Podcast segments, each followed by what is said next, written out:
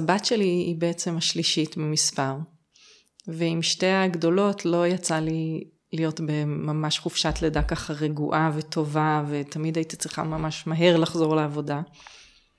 ומהבחינה הזאת היא ממש הייתה התיקון שלי, וכל שלב של הדרך לקחתי ככה את הנשימה ואת הזמן להיות איתה.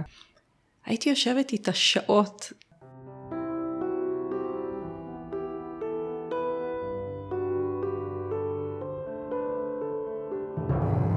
שלום, אני טלי אשר, ואתם על מי רוצה נס, פודקאסט שנועד להכיר לכם מקרוב את החיים לצד התמודדות נפשית.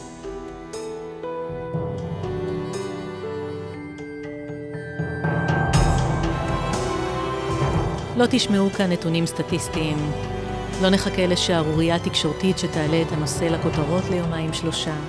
אנחנו כאן באופן קבוע, נכנסים ליומיום, לחדרי חדרים, ובעיקר לחדרי הלב.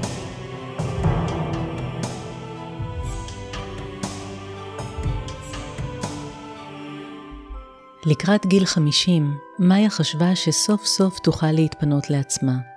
הילדות גדלו ועיתותיה היו יותר בידיה. אבל ממש ביום הולדת 50, היא הבינה שהחיים שלה מקבלים תפנית חדשה לגמרי. היי מאיה. היי. מה הקשר שלך לעולם התמודדויות הנפש? כשהבת שלי הייתה בת 11 אה, וחצי, גילינו שיש לה נורקסיה נרבוזה. איך גיליתם את זה? אה, אז היו כמה חודשים ככה של התנהגות מאוד אה, מוזרה, שחשבנו שהיא פשוט נכנסה לגיל ההתבגרות בצורה מפתיעה ומוקדמת, כי עוד הייתה קטנטונת. הייתה בכיתה ו' והיא פתאום התחילה להיות נורא עצבנית ולכעוס על כולם כל הזמן והייתה לה מין עננה שחורה. היו כמה דברים שכן אה, היו קודם ומאוד החריפו. אחד זה כל הנושא של קבלת החלטות. פתאום זה נהיה מאוד מאוד חריף ברמה של אפילו להגיע לפרוץ בבכי על לבחור ג'ינס כזה או אחר. והדבר השני ש... החריף, או, או שפתאום התגלה, אז אה, בדיקה חוזרת ונשנית של דברים שכבר נעשו או נאמרו. זאת אומרת, אם היא הייתה שמה את המחברת בחשבון בתיק, היא הייתה אחר כך צריכה לבדוק את זה עשר פעמים, כולל בדרך מה, מהדלת לאוטו, לבדוק עוד פעם בפעם העשירית. מין OCD כזה. סוג של OCD, וגם לבדוק אותנו מיליון פעם. ואז אה, מצאנו לה טיפול רגשי של פסיכולוגית, אבל ראינו שזה לא כל כך הולך לשום מקום. היא תמיד הייתה ילדה מאוד אתלטית. ושמתי לב שהיא אה, עושה יותר ויותר ספורט. וגם מטבלת את זה ב... לשתות ככה מים עם אה, מלפפון בפנים או לימון, היא נורא כזה קישתה את המים, ובהתחלה נורא התפעלנו מזה, כי חשבתי וואו איזה מזל יש לי, יש לי, כל החברות שלי מתלוננות על הילדות שלהם שהן רק על המסכים ולא כן. עושות כלום. הסתכלתי עליה במין הערכה כזאת. ו... אבל כן רשמתי לעצמי איפשהו בנבחי המוח, רשמתי לעצמי שמשהו כאן קצת מוזר, ואפילו אמרתי למטפלת אז, עכשיו זאת ילדה שא' מאוד תמיד אהבה לאכול. ואכלה בהנאה כזאת שהיה כיף להסתכל עליה אוכלת. וגם אמ, היא, היא, היא מעולם לא העסיקה את עצמה בנושא של הגוף. כלומר, היא לא, א' לא הייתה עדיין בגיל הזה, הייתה קטנטונת. והיא לא הייתה אחת כזאת שהיא מסתכלת על איך היא מתלבשת, או שעניין אותה איך שהיא מתלבשת, הייתה יותר ספורטיבית כזאת, ולא היה עניין כזה בכלל. ואז אני אה, נסעתי לחו"ל לכמה ימים. חזרתי הביתה והיו לי מתנות לשלושת הילדות, כל אחת קיבלה ממני אה, מתנה ועוד שקית קטנה כזאת עם שוקולדים. ואז ישבנו על הספה והיה נורא נחמד וסיפרתי חוויות וכולי. והיא פתאום נורא נורא התעצבנה ועלתה למעלה לחדר שלה. אז אחרי איזה שתיים שלוש דקות משהו גרם לי לעלות למעלה. ונכנסתי לחדר שלה וראיתי אותה עם איזשהו אה, סרטון כזה של אה. כושר, אה, כושר, והיא עשתה כפיפות בטן עם לחיים אדומות, עם דמעות בוכה, ו... ובמין טירוף כזה. אז ישר לקחתי לה את הטלפון, חיביתי אותו, סגרתי את הדלת ואמרתי לה, אנחנו לא יוצאות עכשיו מהחדר, עד שאנחנו לא מבינות מה קורה כאן. ואז ישבתי איתה שעות, ואז באיזשהו שלב היא אמרה לי זה יצא מכלל שליטה. שכל פעם שהיא אוכלת, היא צריכה לשלם על זה מחיר. השיחה הזו, הווידוי הזה שלה, מתקיים בצורה, היא נרגשת, יש, את מרגישה הקלה, היא בוכה, היא... כן, איך היא חווה את זה? כן, שתינו בכינו, היא בכתה, אני בכיתי, אמרתי לה, אנחנו, אנחנו נלך ונמצא עזרה. זה לא דבר שאנחנו יכולות להתמודד איתו כאן לבד, ואנחנו צריכים למצוא עזרה. אז היא מאוד התנגדה, בשום פנים ואופן אנחנו לא צריכים עזרה, זה, זה חלק מהאנורקסיה, לא רוצים עזרה. אה, ואולי אפילו קצת התחרטה שהיא סיפרה לי. ובכינו והתחבקנו ואמרתי לה שאנחנו, שאנחנו, שאנחנו נדאג לזה, שאנחנו נטפל בזה, שאנחנו נמצא את הדרך. שאתם ביחד בזה. שאנחנו לגמרי ביחד. את יוצאת מהחדר אחרי כמה שעות. לא מזמן נחתת מחו"ל, mm-hmm. נכון? הגעת הביתה לטקס הנחמד הזה של המתנות כן. עם כל הבנות, ואז את מבינה שאת מתחילה סיפור אחר לגמרי. איך את ברגעים האלה? אני הרגשתי שכל עולמי חרב עליי, ממש ככה. אני פשוט הרגשתי, אף פעם לא הרגשתי דבר כזה וקשה לי לתאר את זה, זה באמת כאילו הכל קורס פנימה והחיים שלי השתנו באותה שנייה מהקצה אל הקצה. הלכתי לישון עם זה, קמתי עם זה בבוקר. באמת לא היה הפוגה, לא הייתה מנוחה עם המח... מהמחשבות. מ... כל הזמן הרגשתי, איך הדבר הזה נחת לי בצלחת? אני לא מבינה. איך זה קרה לי הדבר הזה? מה, אנחנו משפחה כזאת חמודה ו- וכזה כיף וסבבה ונחמד וכאילו, אבל הבנתי שזה נחת לי לצלחת וזה לא הולך לשום מקום, וצריך לעשות משהו בקשר לזה, והייתי לגמרי בפנים. באיזשהו שלב השאלות האלה, איך זה יכול להיות? הווליום שלהם ירד, הדחיפות ירדה? כשהתחלתי לקרוא את הדברים הנכונים, הבנתי שאין מקום לאשמה. הבנתי שהאשמה היא סוג של אה, פריבילגיה שאין לי זמן אליה עכשיו. היא לא יכולה לקבל מקום, היא, היא, היא, היא כמו פינוק. אי אפשר עכשיו להתעסק עם זה, זה גם לא משנה. יתרה מזו, כל הטיפול בהפרעת אכילה הוא, הוא מתחיל מזה שזה לא משנה מה היה. זה לא משנה מה היה אפילו הטריגר, זה לא משנה מה גרם לזה, זה לא משנה, מסתכלים על זה כמו שזה עכשיו. מה שיש עכשיו זה מה שיש, ומתקדמים קדימה. קודם כל, באותו לילה אני נשארתי ערה כל הלילה. אני קראתי. אני זוכרת שקראתי וקראתי וגם יצרתי קשר עם uh, תזונאית. למחרת היא הסכימה לקבל אותנו. כשסיימנו היא אמרה, אני לא יודעת, יש כאן רגל בריאה ורגל חולה. אני לא בטוחה אם זה אולי משהו שכן ניתן לעשות רוורס, או שזה כבר ממש אנורקסיה. כשהבת שלך אומרת, זה איבד שליטה, עדיין אין לזה הזה שם, אה, כמה זמן היא כבר בתוך הסיפור הזה? זה היה כבר כמה חודשים אה, של... עוד אה, ועוד כללים וחוקים ו... כן, זה קורה לפעמים נורא מהר. כן. בחמישה ימים האלה שלא הייתי, היא ניצלה את ההזדמנות במרכאות, ופשוט עברה, לא, היא לא אכלה בכלל, היא אכלה שייקים ברמה הזו. היא חצתה איזשהו סף. כן, וכשזה קורה, אז, אז בעצם נורא קשה לצאת מזה. ועוד דבר שמאוד קרה זה ש... once שזה יצא, והיה לזה שם, אז זה הידרדר בפראות. עד שהגענו לבדיקת דם כבר היא התעלפה לי בידיים. זאת אומרת, כבר, כבר לא היה אפשר בכלל להוציא ממנה דם, זה היה נורא דרמטי. את אומרת את זה בנימה של כנראה לא צריך לעשות את זה כך, או שזה המהלך ואין זה מנוס המהלך, מזה? זה המהלך ואין מנוס ממנו. Okay. אוקיי. כי, כי כל עוד ההסתרה, אז היא, אז היא עושה את המרב כדי להסתיר, והיא מנסה כן. לעשות את זה ככה לבין. זה לא נותן לה דרור ללכת עם בדיוק, זה, הארדקור. ברגע שהיה לזה שם, היא הלכה עם זה והיא הייתה חייבת ללכת עם זה. גם ראיתי גאווה מסוימת אפילו. אני פשוט החלטתי שאני הולכת להיכנס בדבר הזה וכמה שאפשר לנסות להוציא אותה מהמלטעות של, ה, של המפלצת הזו. ככה התייחסתי לזה. בת כמה היא היום? היא היום בת כמעט 15. אני הבנתי שזה כמו סרטן. כמו שאם הילדה שלי הייתה עכשיו עם סרטן, הייתי עוזבת את הכל והולכת ויושבת איתה יום וליל בבית חולים, ככה, ככה הבנתי שזה מה שאני צריכה לעשות כאן. ואותו דבר לגבי הכימותרפיה, ש, שהבנתי שהאוכל כאן הוא הכימותרפיה. וכמו שהייתי מכריחה אותה לקבל את הכימותרפיה, למרות שזה להכניס כביכול רע לגוף, אבל הייתי יודעת שזה הדרך, כאן אני ידעתי שהאוכל הוא התרופה, וזו הדרך. זה קצת נשמע לי כאילו עשית מחקר. הבנת מה הנושא, וניסית להיות בקיאה בו, לפתח מומחיות בנושא הזה. את יצרת קשר עם חברה שלך שהיא פסיכיאטרית שמתמחה בתחום הזה, והיא חשפה בפנייך שיטה מסוימת או גישה מסוימת. מה מיוחד בה? נכון, אז הגישה הזאת נקראת אה, FBT, שזה Family Based Treatment, וזה משהו אחר מכל הדברים ש...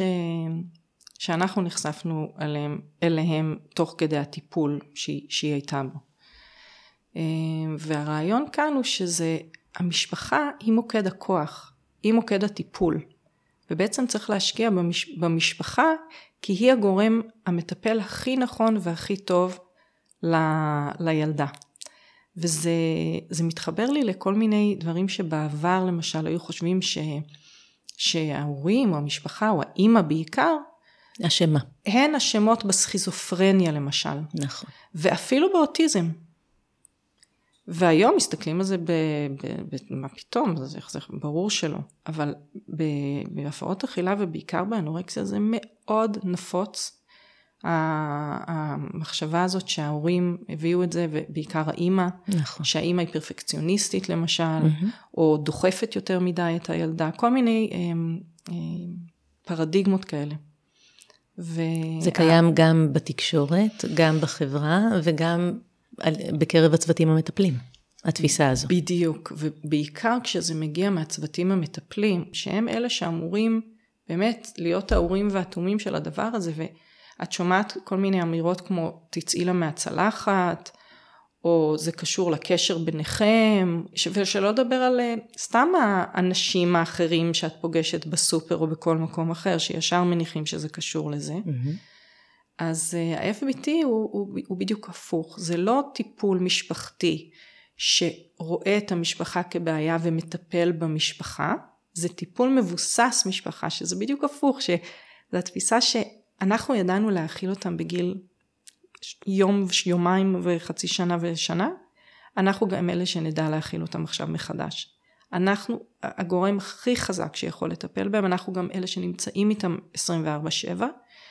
ועל אחת כמה וכמה בתקופה כמו שאנחנו נמצאים בה היום, שבה יש שישה, שמונה, עשרה חודשים של רשימות המתנה, להיכנס אפילו לטיפול כלשהו בקהילה או באשפוז או כל דבר אחר, אז זו גישה שהיא מעצימה את ההורים ומבינה שאם הם הגיעו, אם המשפחה הגיעה באיזשהו סוג של הפרעה, זה בגלל הפרעת האכילה. זה בגלל שזו משפחה שכבר כלו כל הקיצים, הם כבר שנה מתמודדים עם הדבר הזה, הם כבר לא יודעים מה לעשות. אין, אין, אין ליווי אה, לפרוטוקול הזה בארץ כמעט, אבל יש המון כלים מהעולמות האלה שאני פשוט בקריאה פשוטה יכולתי לקחת ו- ולעשות בבית. והיה גם ספר שנתן לי המון השראה, סיפור של, של משפחה, סיפור אמיתי. והם גם עשו את זה ללא ליווי אה, אה, קלאסי של FBT, הם יצרו לעצמם את הליווי הזה. אז חשבתי, אם, אם, אם אני, אם היא עשתה את זה, אני גם יכולה לעשות, ונאחזתי בזה, זה כאילו היה האור ש, שהוביל אותי. הרבה פעמים אה, כשמגיעים למשקל היעד, אז הבנות משתחררות מאשפוז, אם הן היו מאושפזות. ואז הן מגיעות הביתה. ההורים לא יודעים להחזיק את זה בבית, כי הם לא עברו איתה את ה-FBT, הם, הם, הטיפול בעצם היה אצל גורם זר. ואז מתחילים אשפוזים חוזרים, כי היא חוזרת הביתה, אין את הסמכות ההורית שהתפתחה בבית חולים עם הצוות. אז בעצם זה בידיים שלה, היא אמורה להחזיק את זה לבד. ההורים אולי באותו זמן לא עברו תהליך של מה הם צריכים, איך הם צריכים לקבל את הילדה ומה הם צריכים לעשות. ואז מהר מאוד יש ירידה במשקל וחזרה לאשפוזים. ככל שיש אשפוזים חוזרים, ככה הפרוגנוזה היא, היא פחות טובה. בארצות הברית זה למעשה הקו הטיפולי הראשון שאנשי טיפול מציעים למתבגרות שמתמודדות עם הפרעת אכילה. אבל מה המשמעות? מה למעשה נדרש מההורים? הוא דורש סמכות הורית. אני חושבת שהייתי אימא די, די רכה. אה, ו... והכל מתוך הסכמות והבנות, ובטח לא נשים או כל מיני דברים כאלה. ותוך כדי הקריאה וההבנה של, ה... של ההפרעה, הבנתי שאני נדרשת פה לסמכותיות שלא הכרתי, ושלא באה לי באופן טבעי, אבל הבנתי גם שזה מה שצריך לעשות עכשיו. כלומר, כאילו, ממש זה היה לי מין, אוקיי, זה ללמוד לעשות את הדבר הזה, או להשאיר אותה במערה החשוכה הזאת עם המפלצת הזאת שהשתלטה עליה. אז זה היו האופציות שלי. זה רגע מאוד עמוק, אני חושבת, בזהות ההורית, להבין שלילד הספציפי שלי נדרש ממני משהו אחר, שאולי הוא מנוגד לטבע שלי, אולי הוא אפילו סותר אמונות שלי, אבל זה לא משנה, כי ב, בראש סדר העדיפויות זה מה הצורך של הבן שלי. נכון, ממש ממש ככה. ואז אני פשוט סיגלתי לעצמי את זה. אני נהייתי ברזל.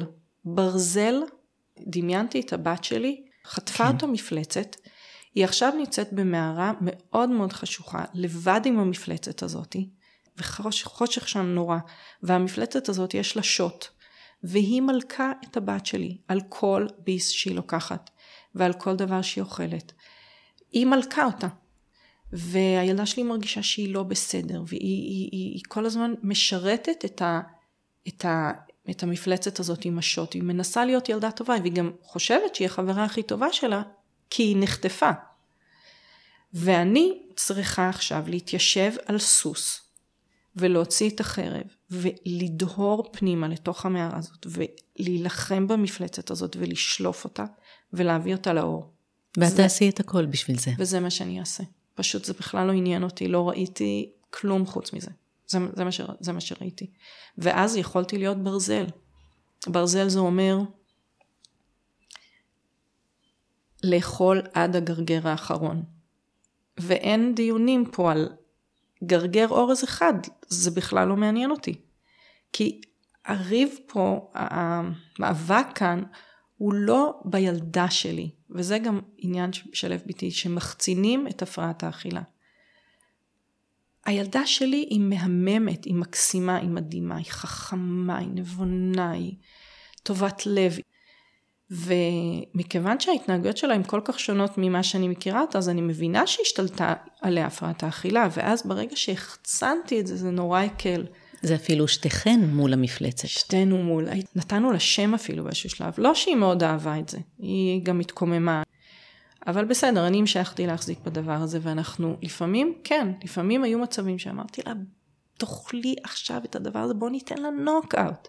ממש היו תקופות שהיא הייתה אומרת לי, על כל ביס היא הייתה אומרת לי, אני חייבת לאכול את זה? אמרתי לה, כן, את חייבת לאכול את זה.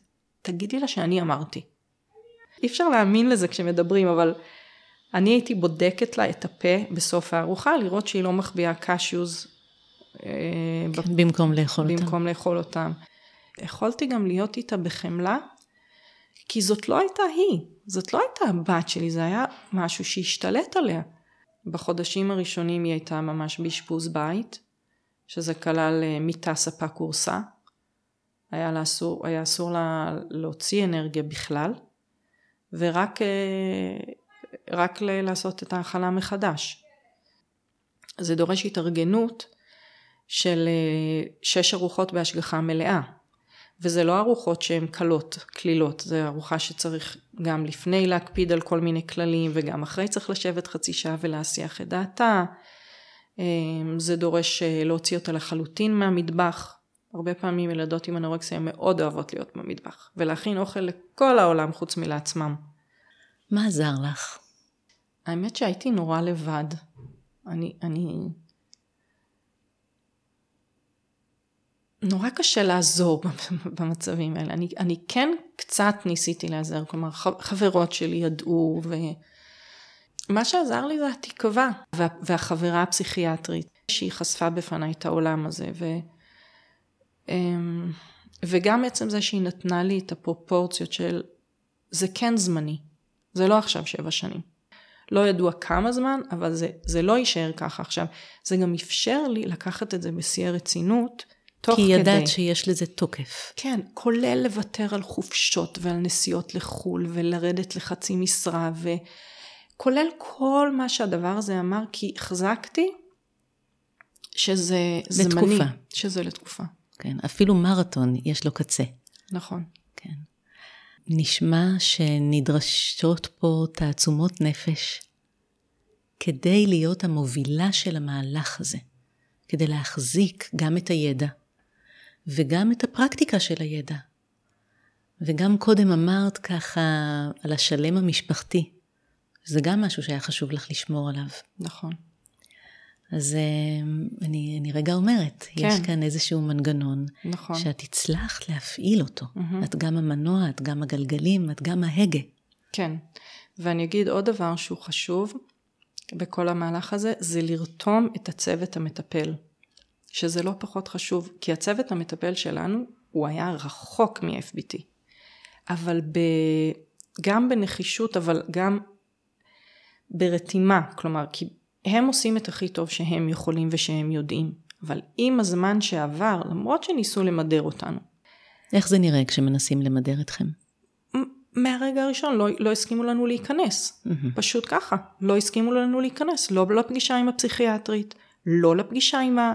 למרות אה, שמדובר בילדה קטנה. בילדה קטנה, ורופאה התפתחותית שבדקה, עד, עד היום לבת שלי יש טראומה מהבדיקה הפיזית הראשונית הזאת שנעשו, שעשו לה, למרות שזאת הייתה אישה, אבל זו הייתה פשוט... כי היא הייתה מאוד מנוכרת לגוף שלה, ופתאום יש אה, בדיקה. מישהו מסתכל אם כן. יש סימני התפתחות, היא כן. בטראומה מזה, עד היום היא מספרת על זה. כן.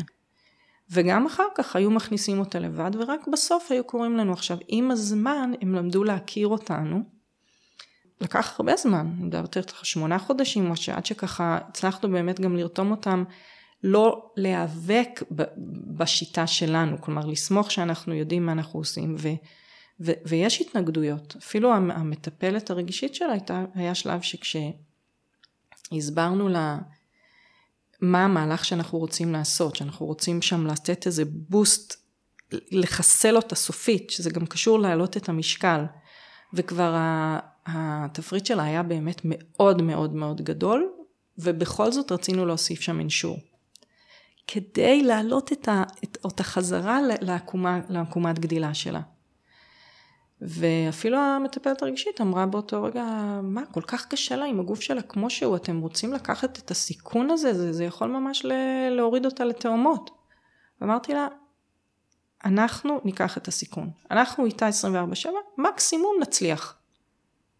וזה מה ש... ואז באמת הדיאטנית זרמה איתנו כי כבר הבינה שהיא mm-hmm. כבר שמחה עלינו, וזה כן. נורא חשוב לבנות את האמון עם הצוות המטפל גם אם הוא לא כן. רואה עין בעין. והיא כן הסכימה והיא כן העלתה וזה כן פתר את הבעיה. זאת אומרת שהמשפחה פה היא התשתית והיא המעטפת הטיפולית, ולצד זאת, זה חשוב לומר למאזינים שלנו, יש פסיכיאטר ויש אה, מטפלת רגשית ויש דיאטנית. Mm-hmm. זאת אומרת, את, אתם מתכללים את הטיפול, אתם מנווטים אותו, אה, מאירים את אה, עיני הצוות לגישה שלכם, אבל זה לא רק אתם. בפירוש לא. מתי ידעת שהצלחתם להגיע למקום שבו הרגל הבריאה הזאת שהזכרת קודם, יש לה משקל רב יותר? עשיתי מחקר שהיה פרוס על שלוש מדינות, פחות או יותר, של להבין את כל המשקלים, ולצבור את כל המשקלים האלה ולשים אותם על הגרף, ולהבין באיזה עקומה היא, ולהבין את הפער בעצם שעדיין יש לנו לעשות.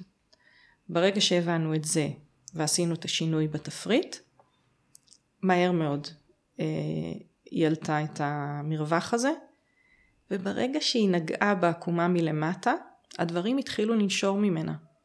זה באמת היה מדהים לראות את זה. למשל, היא הייתה, אחת התופעות שהיו לה זה שהיא הייתה, היא לא הייתה נוגעת בכוס מים פעמיים. אז בסוף כל יום היו לי איזה עשר כוסות מים ליד התמי ארבע. למשל. בן לילה, פתאום לא היו עשר כוסות. או אמ, אחד הדברים הכי מדהימים שהיו, זה שהיא עמדה, שנה שלמה היא עמדה. עמדה, כמו נר של חנוכה, עמדה. גם כשהושבנו אותה וביקשנו שהיא תשב, היא, אחרי כמה דקות היא הייתה חייבת לעמוד.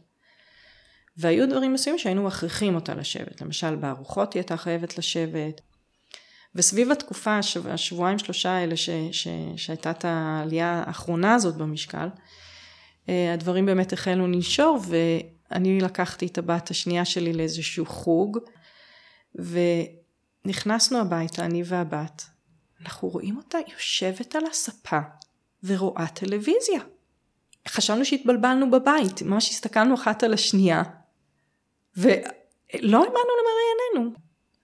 היא ביקשה אמ, גיוונים בתפריט, כלומר היא ביקשה, היא פתאום, פתאום ביקשה נגיד ממתקים. אני לא חשבתי שהיא, mm. שהילדה הזאת תאכל ממתקים יותר אי פעם בחייה. היא בז... חזרה ליהנות מחדוות האוכל שאפיינה אותה קודם. כן, בזהירות. היא אכלה פתאום סלט ישראלי כזה עם אה, שמן זית, היא לא נגעה בדברים האלה. איך את מתאימה את עצמך פתאום להצלחה הזו? וואו, זה היה כל כך לא צפוי. אמ, אני הייתי הכי קולית. לא עשיתי מזה עניין.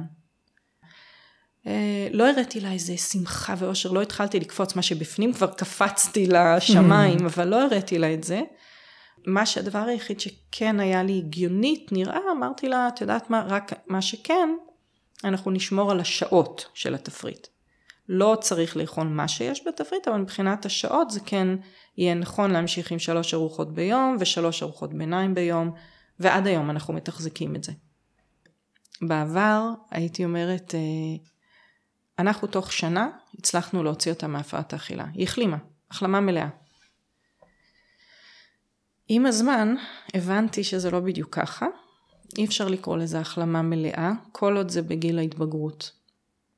אני היום יותר קוראת לזה אמ, להחזיק את ההחלמה, לתחזק את ההחלמה. וזה גם משהו שדורש דורש המון, דורש ריכוז, דורש לשים לב, יש תקופות שהן יותר קשות, יש, יש תקופות שהיא יכולה להחזיק את זה לבד, יש תקופות שהיא לא יכולה להחזיק את זה לבד.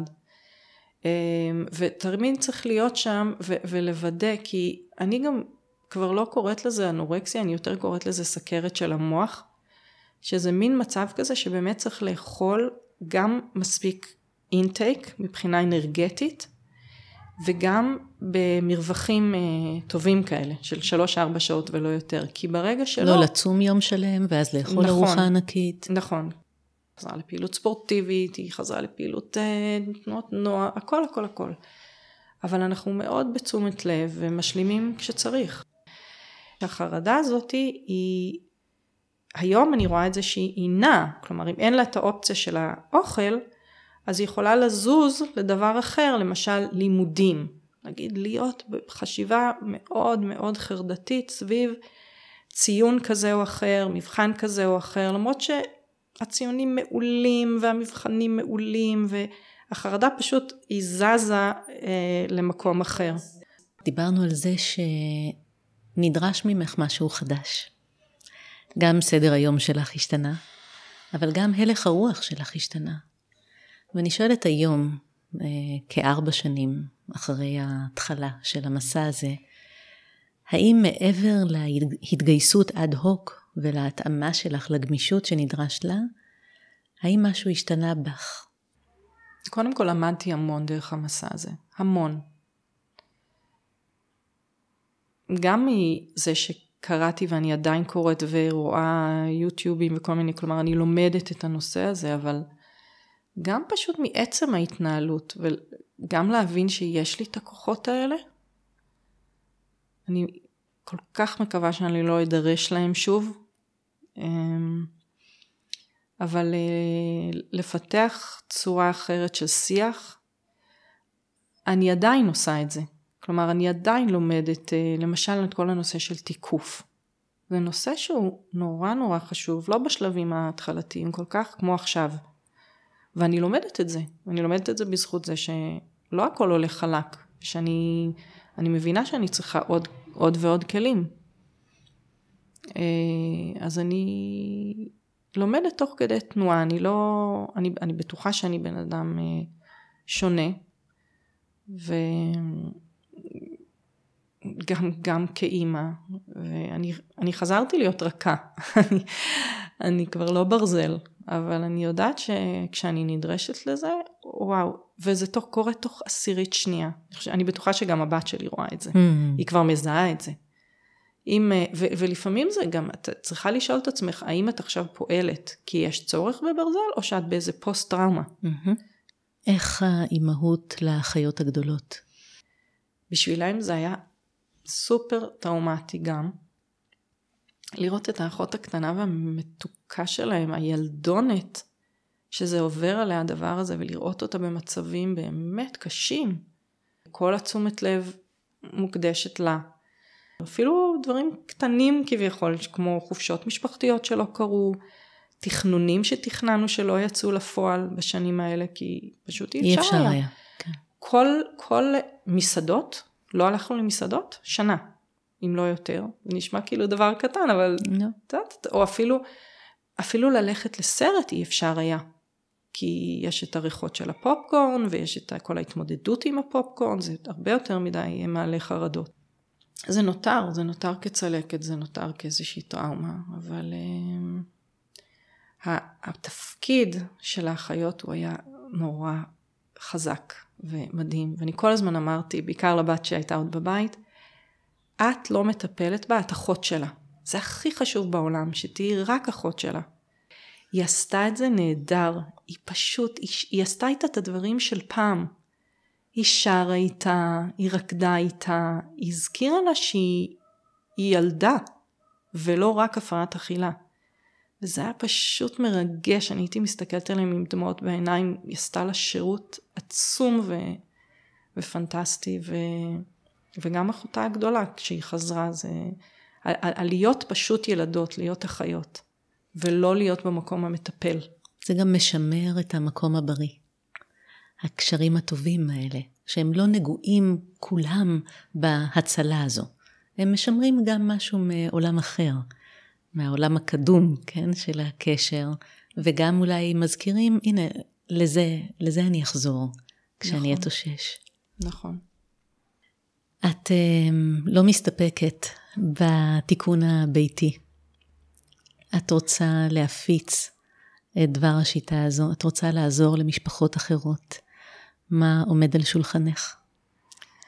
הרגשתי שאני רוצה לטפס על ראש מגדל גבוה ולצעוק את הדבר האלמנטרי הזה שאנשים לא יודעים אותו.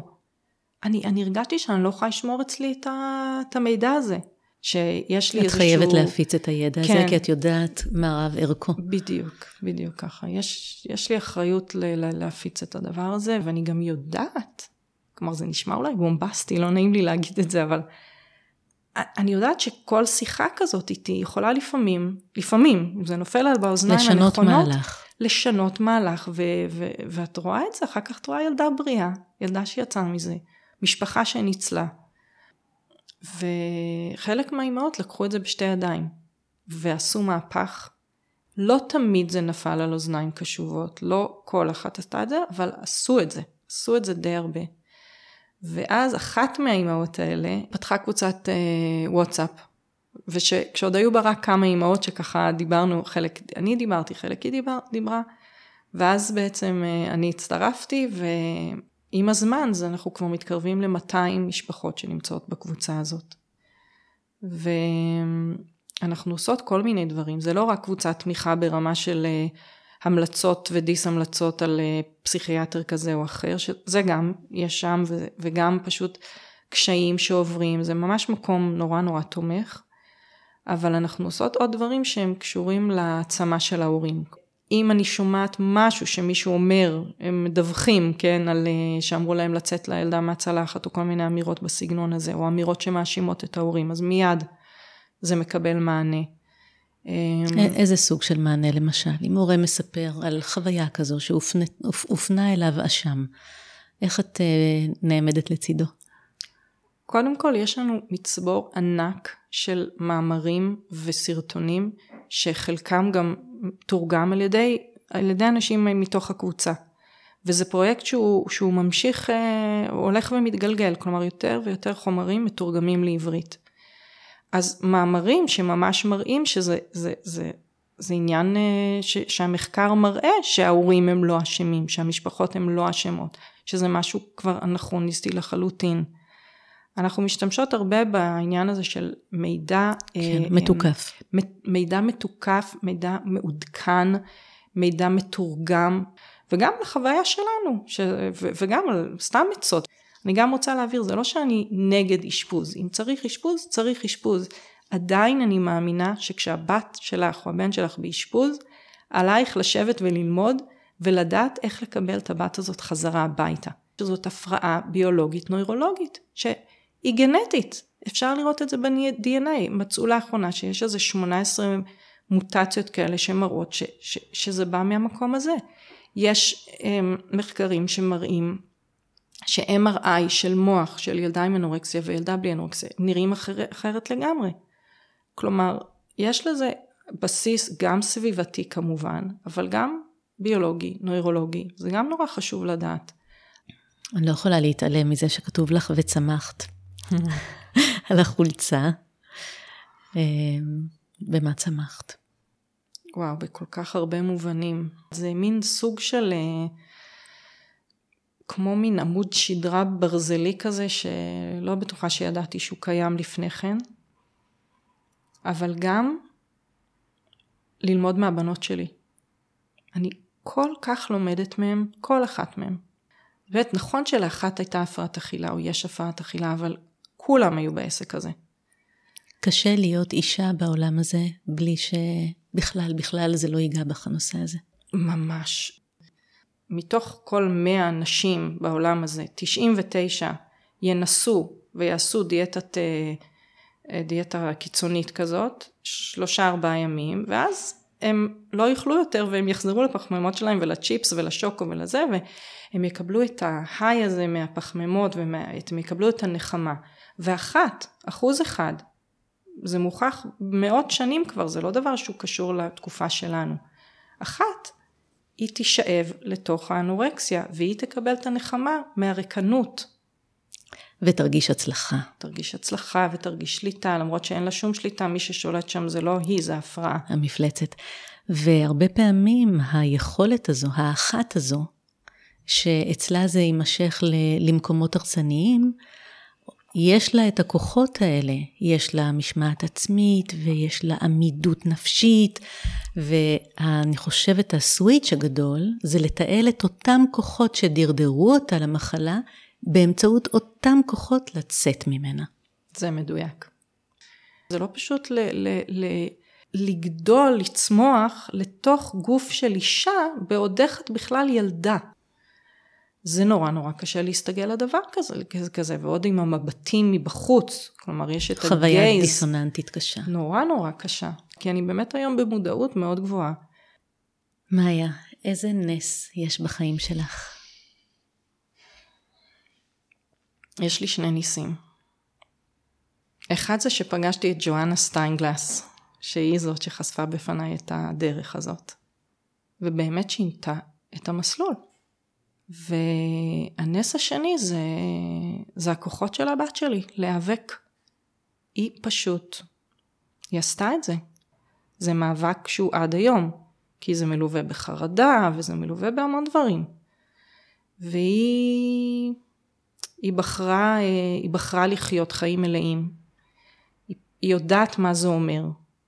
לפעמים קשה לה, לפעמים עדיין יש לה את הנטייה הזאת לרצות לצמצם, זה, בגלל זה אני אומרת, זה לא לגמרי מאחורינו. Mm-hmm.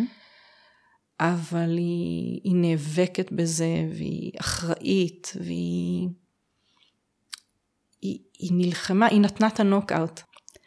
לאיזה נס את עוד מייחלת?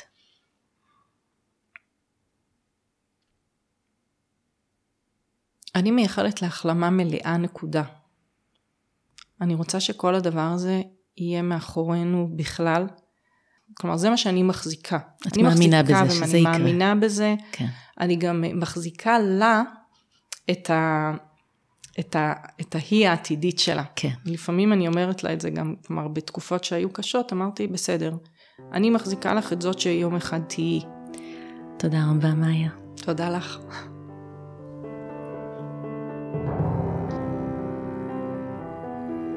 תודה לצחי אשר, שאחראי על הסאונד, ובאופן כללי על האהבה בחיי.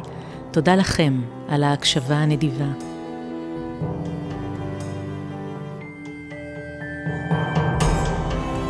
מי רוצה נס נמצא בכל אפליקציות הפודקאסטים, Spotify, iTunes, Google Podcast או כל אפליקציה אחרת. אפשר למצוא את כל הפרקים גם באתר שלי, טליאשר.com, ולעקוב אחריי בפייסבוק.